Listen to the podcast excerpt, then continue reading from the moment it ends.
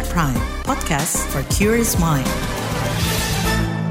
Halo selamat sore saudara, senang sekali bisa menyapa Anda kembali melalui program KBR Sore edisi Jumat 7 Juli 2023. Saya Malika kembali menemani Anda selama kurang lebih 30 menit ke depan.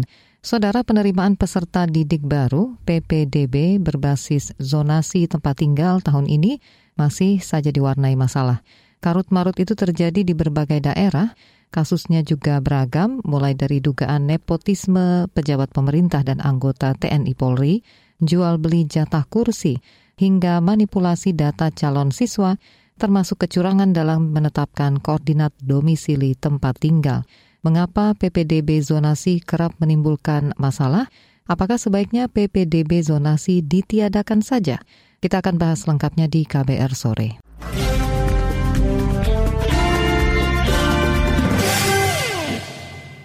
Saudara kantor staf presiden meminta masyarakat aktif melaporkan bila terjadi dugaan manipulasi atau kecurangan dalam proses penerimaan peserta didik baru atau PPDB berbasis zonasi tempat tinggal. Deputi Kepala Kantor Staf Presiden Abed Nego Tarigan meminta masyarakat tidak menyalahkan kebijakan PPDB berbasis zonasi jika terjadi kecurangan atau penyelewengan, apalagi jika kasus itu melibatkan orang dalam sekolah atau jika ada intervensi dari pihak luar sekolah. Kalau menurut kita itu yang menjadi problem itu kan penipuannya ya. Tindakan-tindakan kecurangannya, bukan idenya gitu loh. Ya, ini yang harus dikelirkan gitu loh. Jadi kalau Pak Wali Kota sudah menemukan itu bagus sekali ya periksa kepala-kepala sekolahnya itu gitu loh. Kenapa bisa diterima kan gitu loh. Yang dari jauh gitu loh. Kecuali kalau tadi ada isunya terus bagaimana dengan wilayah-wilayah yang tidak tersedia sekolahnya. Tapi kalau ada kecurangan ya ditindak kecurangannya. Gitu. Nah, dari sisi kami sih gitu ya. Sambil kami memang selalu memonitor, sedang memonitoring proses ini. Saya sudah minta tim saya untuk monitoring untuk apa penerimaan PPDB ini itu. Dan tadi itu harus diingat ya, jadi jangan dibedain antara gagasannya sama prakteknya gitu ya mas ya, gitu loh. Jadi ya kalau kayak gitu ya tinggal panggil aja kepala sekolahnya. Deputi KSP Bidang Pembangunan Manusia Abed Nego Tarigan mengapresiasi temuan dugaan kecurangan PPDB zonasi. Ia berharap semua temuan ditindaklanjuti hingga tuntas. Dia juga meminta pelaksanaan PPDB zonasi dievaluasi jika ditemukan masalah. Tim redaksi KBR hingga sore ini belum berhasil mewawancarai pejabat dari Kementerian Pendidikan, Kebudayaan, Riset, dan Teknologi, Dirjen Pendidikan Anak Usia Dini dan Pendidikan Dasar Menengah, Jumeri, juga belum merespon permintaan wawancara dari KBR. Sementara itu di Jawa Barat, Wali Kota Bogor Bima Arya Sugiarto kemarin harus ikut melakukan inspeksi mendadak langsung ke lapangan. Sidak dilakukan untuk memverifikasi ulang alamat rumah calon siswa salah satu SMP negeri sesuai dokumen PPDB zonasinya. Aduan terkait dengan praktek manipulasi kartu keluarga di PPDB. Jadi saya perintahkan untuk mengumpulkan data dan fakta. Kami telah membuka aduan hotline khusus untuk PPDB.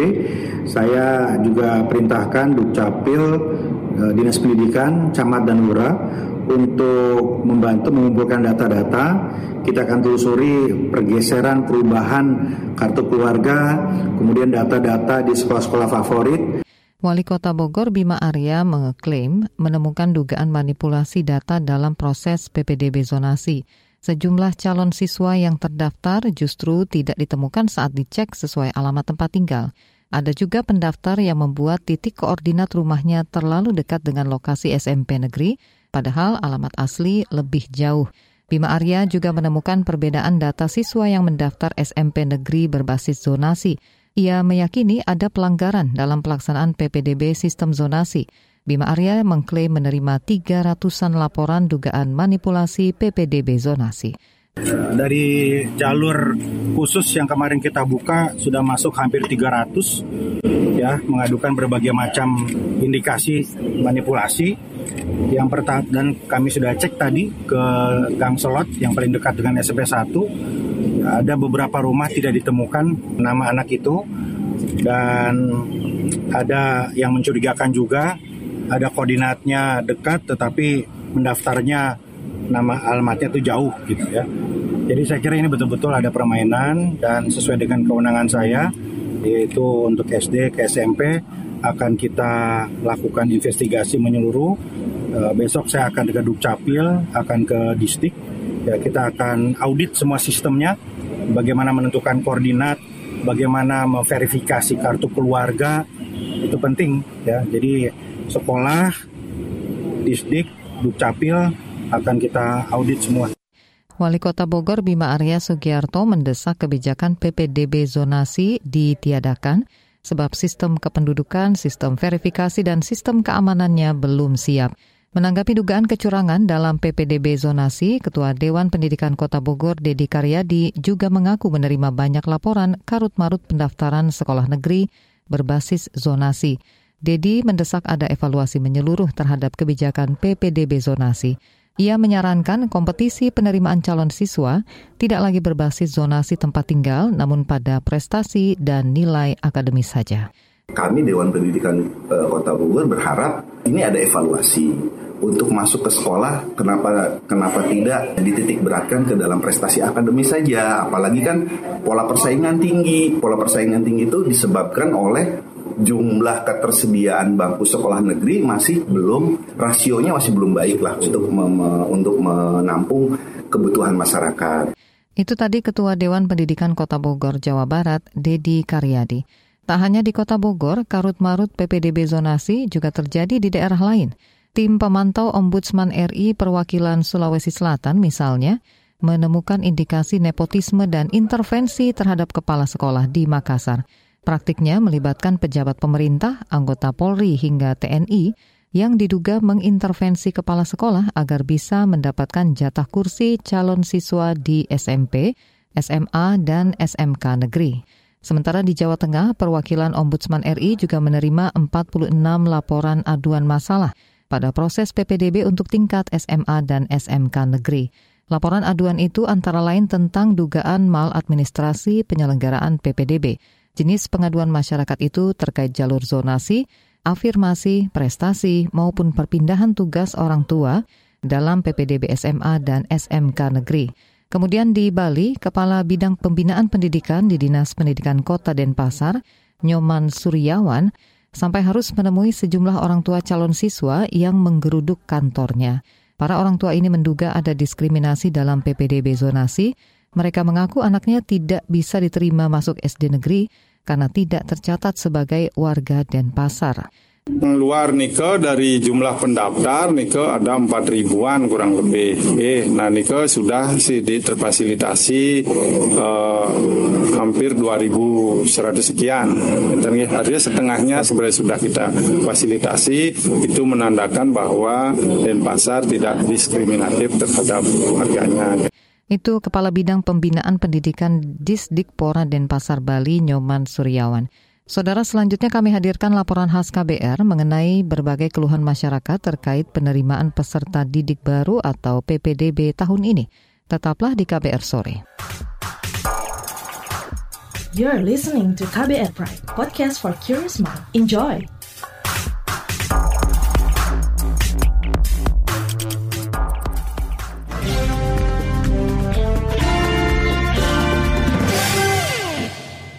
Saudara masyarakat mengeluhkan banyaknya masalah dalam proses seleksi penerimaan peserta didik baru atau PPDB 2023.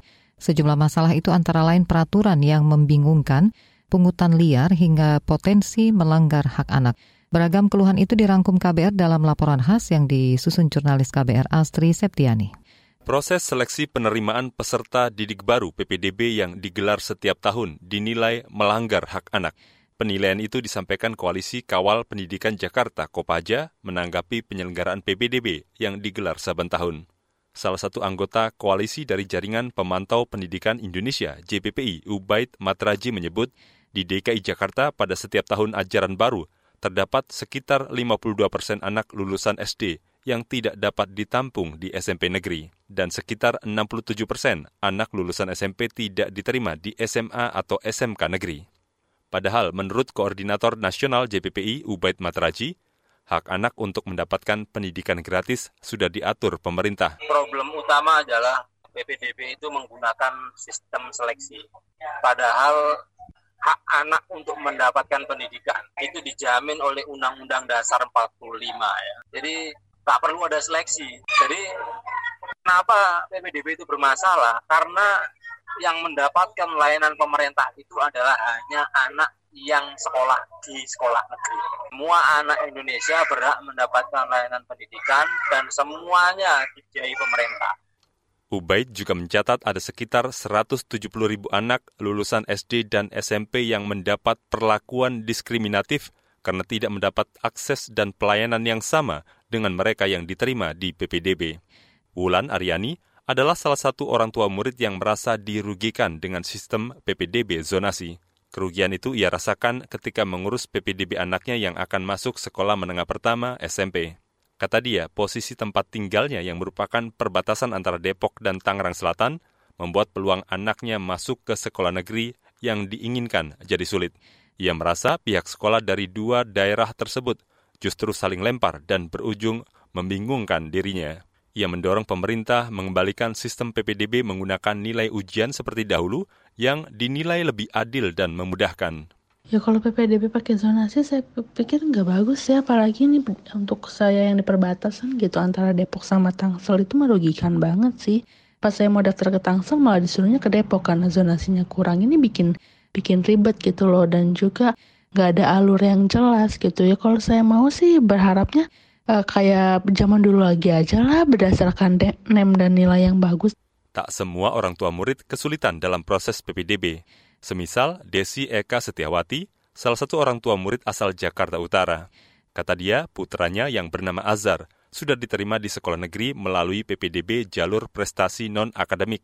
Itu lantaran Azhar berprestasi di bidang sepak bola. Meski begitu, ia masih bingung dengan penerapan PPDB berbasis zonasi. Ia menilai persyaratan terkait umur untuk masuk SD sering kali dikeluhkan orang tua murid dan dinilai menyulitkan. Tapi saya bingung hanya wilayah-wilayah tertentu yang bentrok dengan umur. Yang saya tahu teman saya di Jakarta Selatan 6 setengah 6 tahun setengah udah bisa masuk SD. Sedangkan di daerah kami sini Jakarta Utara 6 tahun setengah itu tidak bisa masuk SD negeri. Jadinya dia ngikutin lagi ke tahun berikutnya. Jadi ia meminta pemerintah membenahi masalah persyaratan umum tersebut. Menurut Desi, halangan umur tersebut memberatkan bagi orang tua siswa yang tidak mampu secara finansial karena anaknya harus menunggu tahun selanjutnya atau memilih sekolah swasta yang biayanya lebih mahal. Kritik juga disampaikan sebagian anggota wakil rakyat di parlemen. Hal yang disorot di antaranya terkait maraknya pungutan liar pungli saat PPDB. Anggota Komisi Pendidikan DPR Sodik Mujahid mengimbau pemerintah memberantas tuntas praktik pungli yang masih terus terjadi di setiap pelaksanaan PPDB. Anggota Komisi Pendidikan DPR yang lain, Zainuddin Maliki, menegaskan praktik pungli PPDB bertentangan dengan hukum. Karena itu, Kemendikbud Ristek harus melakukan langkah tegas dan efektif untuk mencegah praktik pungli dalam setiap proses PPDB. Bisa dilakukan sesuai dengan ketentuan atau regulasi yang ada. Jadi misalnya zonasi berapa persen yang didasarkan pada apa achievement atau prestasi, aturan-aturan sesuai dengan pemetaan zonasinya, saya kira itu perlu diperhatikan dan jangan kemudian terjadi pemaksaan pemaksaan atau penyimpangan Demikian laporan khas KBR yang disusun jurnalis Astri Septiani. Saya, Sindu Darmawan. Saudara Lembaga Pengawas Pelayanan Publik Ombudsman RI menilai kisruh pelaksanaan penerimaan peserta didik baru PPDB selalu berulang setiap tahun. Lalu apa rekomendasi Ombudsman RI? Kami hadirkan informasinya sesaat lagi, tetaplah di KBR Sore. You're listening to KBR Pride, podcast for curious mind. Enjoy!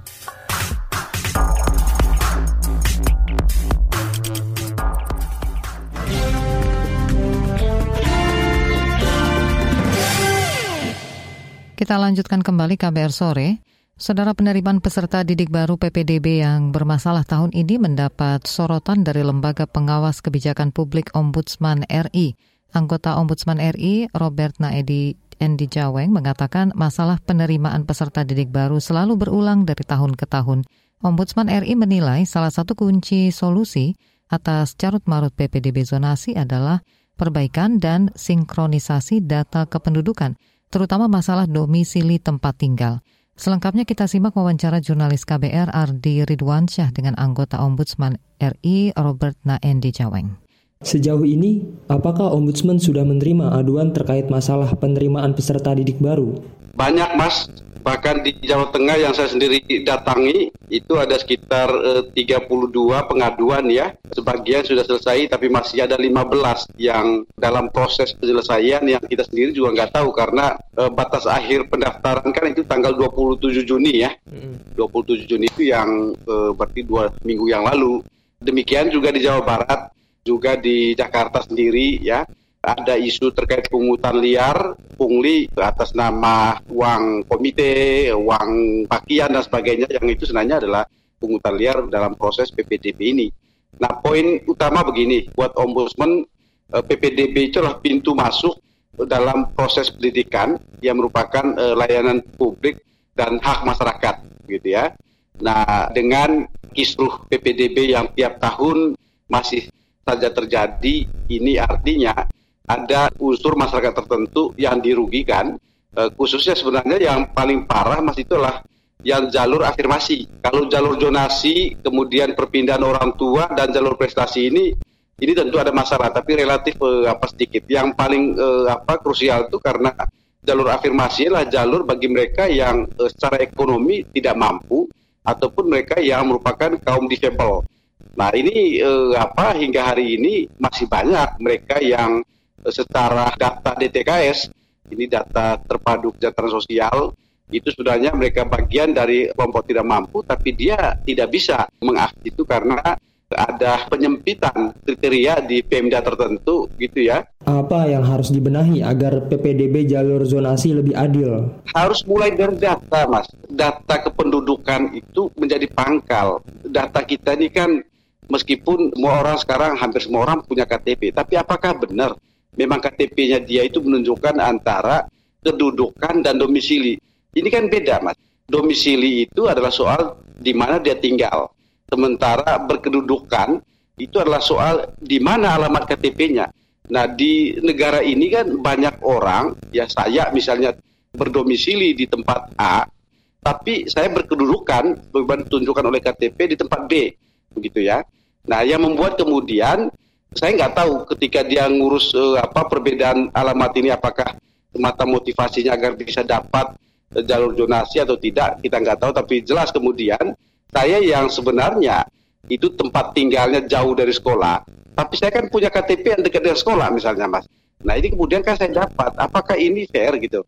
Ini kan yang harus di di apa verifikasi secara faktual antara apa namanya domisili yang artinya di mana dia tinggal dengan kedudukan yang artinya di mana alamat sesuai dengan KTP itu berada.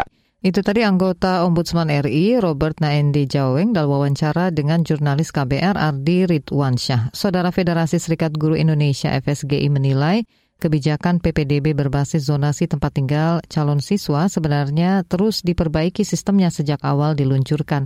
Apa saja saran perbaikan dari FSGI untuk menuntaskan kasus-kasus yang masih terjadi Informasi selengkapnya akan hadir sesaat lagi, tetaplah di KBR Sore. You're listening to KBR Pride, podcast for curious mind. Enjoy!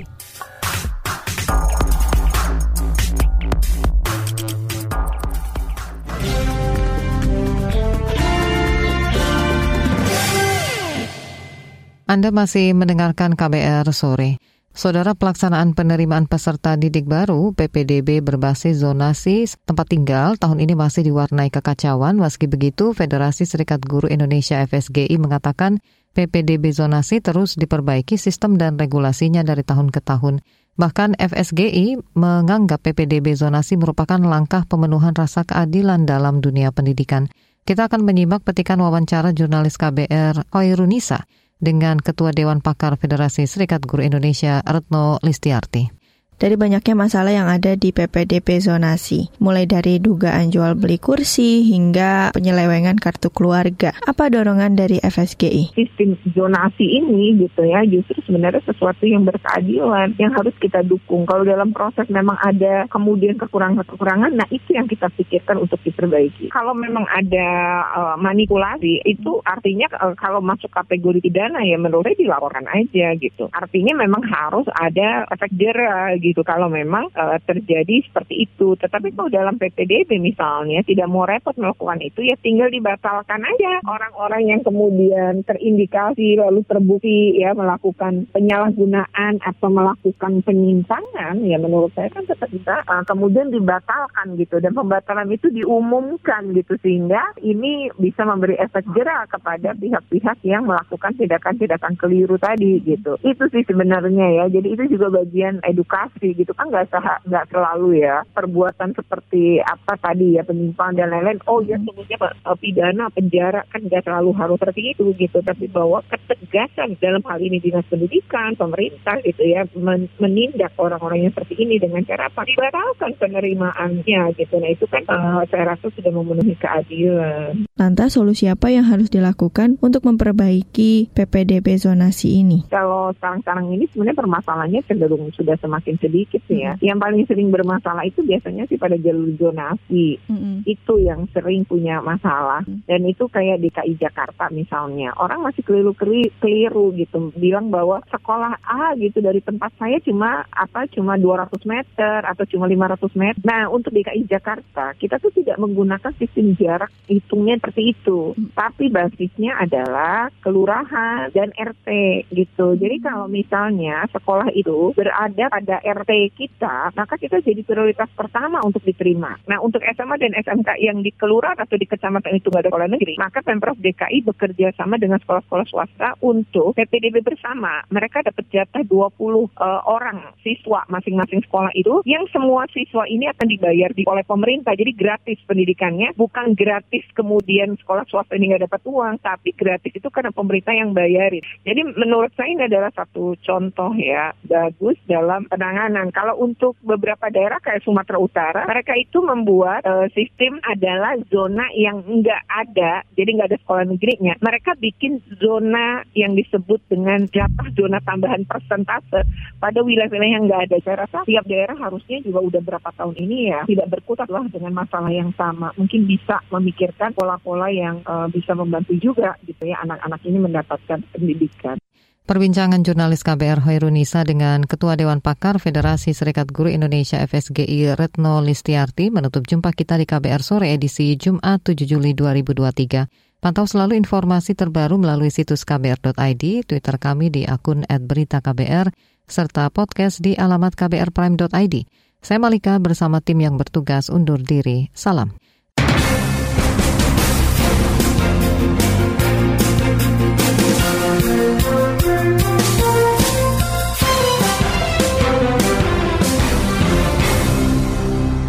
KBR Prime, cara asik mendengar berita. KBR Prime, podcast for curious mind.